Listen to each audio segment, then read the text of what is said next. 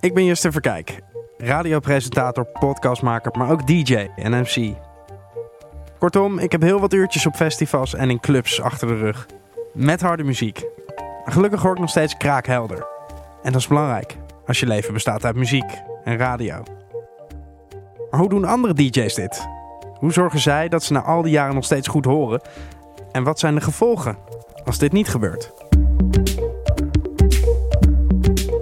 Dit hoor je in de podcast Gehoor geven van Gain. De branchevereniging die goede hoorzorg vanzelfsprekend maakt.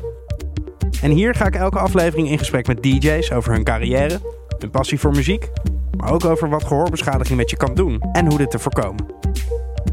In deze aflevering praat ik met Ramon de Lima, voorzitter van Stichting Nachtburgemeester, die het doel hebben om nachtcultuur op de maatschappelijke en politieke agenda te zetten. Ramon zit dus volop in het Amsterdamse nachtleven en houdt zich ook druk bezig met evenementen zoals het Amsterdam Dance Event. Wederom een persoon die dag, maar vooral nacht bezig is met muziek en feesten. We spreken hem over de rol van de nachtburgemeester en de veranderende clubscene van Amsterdam in de extreem hippe Adam Tower aan het eind.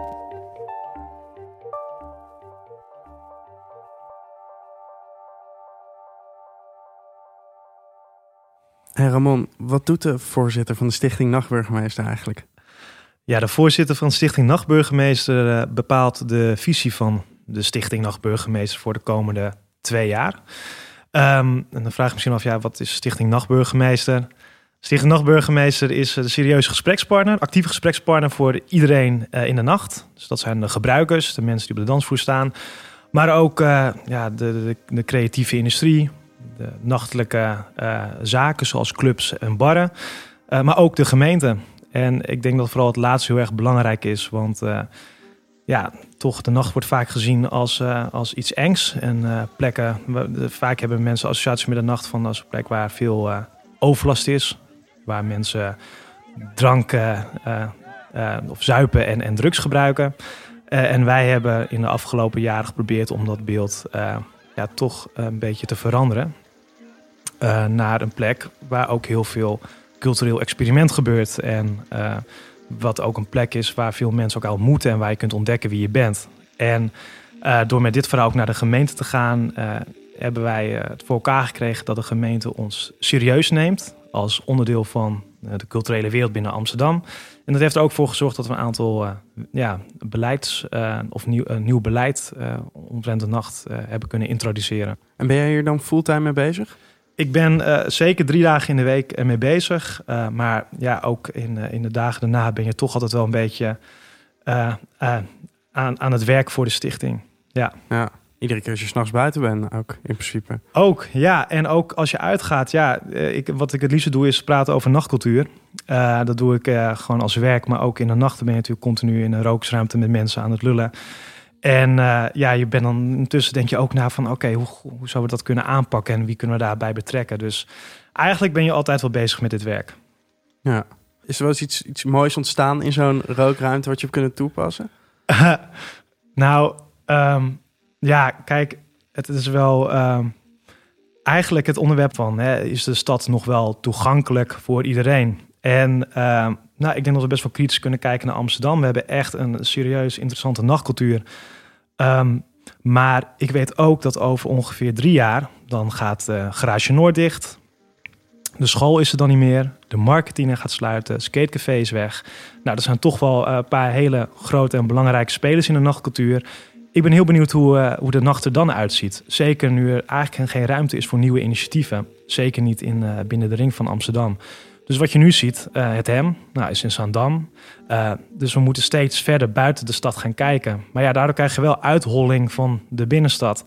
Alle toffe initiatieven, uh, die moeten naar de randen van de stad of zelfs erbuiten. En wat krijg je in de stad? Monocultuur. Allemaal van dezelfde concepten, die sowieso geld in het laadje brengen, waarmee je dus die hoge huren kunt betalen. Maar helemaal niet spannend of divers. Dus daar moeten we wel echt voor waken nu. En uh, dat is ook wat ik heel erg merk in, in, in die rooksruimte... is dat mensen toch toch een beetje zorgen maken over de toekomst van hun nachtcultuur. Ja. Het ADE komt eraan. Is dat voor jullie dan het allerbelangrijkste weekend van het jaar? Uh, ja, uh, het is sowieso de drukste. Ik weet niet of het het allerbelangrijkste is. maar we worden wel aan allerlei kanten aan onze mouw getrokken. Daar zijn we vorig jaar een beetje van afgestapt. En we hebben gewoon gezegd, eh, weet je wat, wij openen gewoon een locatie en dan komen die naar ons toe. Dus dat gaan we ook doen. We, zitten, we nemen nu op in de Katsenclub in de Ademtoren. En dat is tijdens het Amsterdam Dance Event altijd de plek waar wij zitten. En dan hebben wij onze nachtelijke ambtswoning. En dan kun je altijd gewoon langskomen. Stuur even een mailtje en dan kun je met ons gaan praten. En zo zijn we bijvoorbeeld ook achtergekomen dat... Uh, wat het vorige keer, vorig jaar hadden we iemand uh, die in een rolstoel zit... en die zei tegen ons van... Uitgaan in Amsterdam is eigenlijk heel erg moeilijk... want heel weinig clubs zijn niet rolstoelvriendelijk. Kunnen jullie daar misschien wat mee gaan doen? Nou, ik heb daar nog nooit over nagedacht. Dus dan zijn we dan ook mee aan de slag gegaan. Dus uh, voor Amsterdam Event is echt een moment dat wij uh, echt in dialoog gaan met, met, uh, met de community en onze deur ook echt letterlijk open staat. Ja. We maken deze serie met als, als groter thema natuurlijk gehoorbeschadiging. is dat iets dat jullie op een agenda proberen te krijgen? Uh, het heeft in ons visiedocument gestaan, of het staat in ons visiedocument van, van uh, dit termijn. En ik denk dat het ook heel belangrijk is dat de clubs hier aan besteden. Um, en ook vooral dat uh, de bezoekers zelf eraan denken om goed, goede goorbescherming mee te nemen. Ik vind wel dat de club iets van goorbescherming moet bieden. Gewoon die, die, die, die plugjes, weet je. Die, maar ja, dat is niet lekker muziek luisteren. Die maar, gele... Die gele, ja. Voor de hoge nood. Als je ja. achterkomt van shit, ik heb mijn gehoorbescherming niet bij me. Dat je even naar de bar kunt gaan en dat je kunt vragen voor... En dat is als je al een pleister zou vragen om wat gehoorbescherming. Het is niet de beste oplossing, maar het werkt voor nu. Uh, en dat we er vooral de bezoeker op aanspreken van ja, bescherm nou je oor. Je kunt al voor een tientje echt gewoon wegwerpplugs halen. Die werken hartstikke goed. Volgens mij is de filter bijna hetzelfde als die, uh, van de op maat gemaakte. Of laat gewoon op maat gemaakte maken en uh, zorg ervoor dat je die altijd bij je hebt. Want het is gewoon echt belangrijk dat je ja. je gehoor beschermt. Maar moet er niet meer verantwoordelijkheid zijn bij een club of bij een festival? Um, de verantwoordelijkheid... Um, ik denk dat de verantwoordelijkheid bij de club ligt en bij een festival het bieden van een zo goed mogelijke of zo best mogelijke ervaring. En dat betekent soms ook dat het geluid op een niveau moet zijn wat, als je daar voor lange tijd zou zijn in de zaal, niet per se goed is voor je oren. Uh, kijk, we kunnen ook uh, van clubs verlangen dat zij hun decibellen omlaag halen, maar dan weet ik nu al dat heel veel mensen zullen klagen dat de muziek te zacht staat. Dus uh, ik denk niet uh, ik denk dat de clubs en de festivals al genoeg doen uh, uh, met dit thema. En dat het geluid niet keihard staat. Ik, ik, kom net terug uit India en ik ben daar naar een club geweest. Nou, je wil niet weten hoe hard het geluid daar staat. Daar kun je niet eens met elkaar praten. Dus wat dat betreft is in Nederland best wel goed geregeld qua niveaus. En hoe hard je als club mag, mag, mag gaan. Heb je wel eens problemen gehad met je gehoor? Um, ik, heb, nee, ik heb niet problemen gehad. Geen blijvende gehoorschade, maar er is wel eens... Uh, ik, ik, tegenwoordig word ik een beetje panisch als ik mijn gehoorbescherming niet bij me heb, uh, bij heb. Omdat ik toch bang ben dat ik uh, gehoorschade krijg. En een keertje was ik het vergeten, maar het was zo'n tof evenement dat ik niet weg wilde gaan. En ook gewoon vooraan wilde blijven staan. En toen kom ik thuis en toen hoorde ik echt zo'n piep. En toen dacht ik, oh shit, shit. Ik ging meteen al die nacht nog googlen van wanneer moet die piep weggaan? Of uh, hoe lang blijft dat hangen? En hoeveel schade is er nog uit? Dus ik was mezelf alleen maar aan het opfokken. Uiteindelijk bleek er niks aan de hand. Maar voor mij was dat wel een teken van, ja, dit, dit nooit meer. Dus ik heb ze nu aan mijn sleutelbos hangen. Ik kan ze ook niet meer vergeten. Uh, maar ik, het is gelukkig bij mij nog nooit voorgekomen dat er echt blijvende schade is. Zou je kunnen voorstellen? Ik zou het me wel kunnen voorstellen. Uh, ik heb een aantal documentaires. Ik heb twee documentaires gezien. Eentje waarvan de afloop heel tragisch is. Want die vrouw heeft uiteindelijk euthanasie uh, uh, laten plegen. Ik weet niet of dat zo zegt. omdat zij het niet meer aankon. de, de, de, de ruis in haar hoofd. En de vermoeidheid die je van krijgt van ja, die continue ruis. En ja, dat heeft mij wel echt aan het denken gezet. En in, het, in documentaire hoorde je ook een fragment van wat zij dan zou horen. Dus dan dacht ik, oh ja, kut, dat, dat wil ik niet. Daar wilde ik eigenlijk naartoe. Oh. We hebben namelijk een uh, fragment voor jou om naar te luisteren. Dat je kan, uh, ja. thanks voor deze brug. Uh, dat je kan ervaren ja. hoe, het, ja, hoe het klinkt als je gehoor is goed. Maar ik heb nog nooit een airconditioning spontaan in brand gegaan. Um, maar dat doet er niet toe. Het was heel moeilijk, heel moeilijk voor de Amsterdamse Densie. En in die tijd moest jij knokken voor het voortbestaan van Amsterdam Dance Event. Daar gaat het nu wel om. Wat, wat heb je gehoord? Ja, ik moet zeggen dat ik wel een beetje afgeleid was. Dus het lag niet zozeer aan dat ik het niet goed hoorde. Want ik hoorde wel dat dit waarschijnlijk Eberhard van der Laan was. En het ging over het Amsterdam Dance Event. En in het begin werd er iets gezegd over... Nou, het, het ging, ik, ik heb een beetje kunnen volgen waar het over ging. Ja. Het viel wel mee eigenlijk. Het deze. viel wel mee. het, was, uh, het was meer alsof mijn buren ruzie hadden. En Ja. dat ik dat door de muren heen kon horen. Zo klonk dit ook een Ja, beetje. maar dit is natuurlijk wel gewoon mega relaxed als dit de Absoluut. manier was hoe wij elkaar nu zouden verstaan. Dat, eh, ja, ja, ja, dat zou echt verschrikkelijk zijn als dit, eh, als dit mijn gehoor zou zijn. Ja. Eh, om toch nog even te vertellen wat er precies gebeurde. Het was Richard Selma die de eh, Frans Oh. Benning penning van Eberhard van der Laan kreeg. En Ja. hij zei toen iets eh, over de Roxy. Oké. Een Oh, of afgebrand eh, is. ja, Ja, over, ja, over de airco. ja, ja, daar is vuurwerk toen ingekomen. En dat heeft de hele zaak in as gelegd. Op eh, de sterfdatum of begraaf Ja, Toch? van de oprichter van de, van de oprichter. Ja. Ja. Ja. tragisch ook. Super tragisch. Als je, als je kijkt naar die tijd, eh, Amsterdam en nu, Mhm. dan, want dit, dit was een beetje een halve doodsteek. Volgens mij voor de nachtcultuur op dat moment. Je had, je had dan wel illegale Absoluut. je had de IT.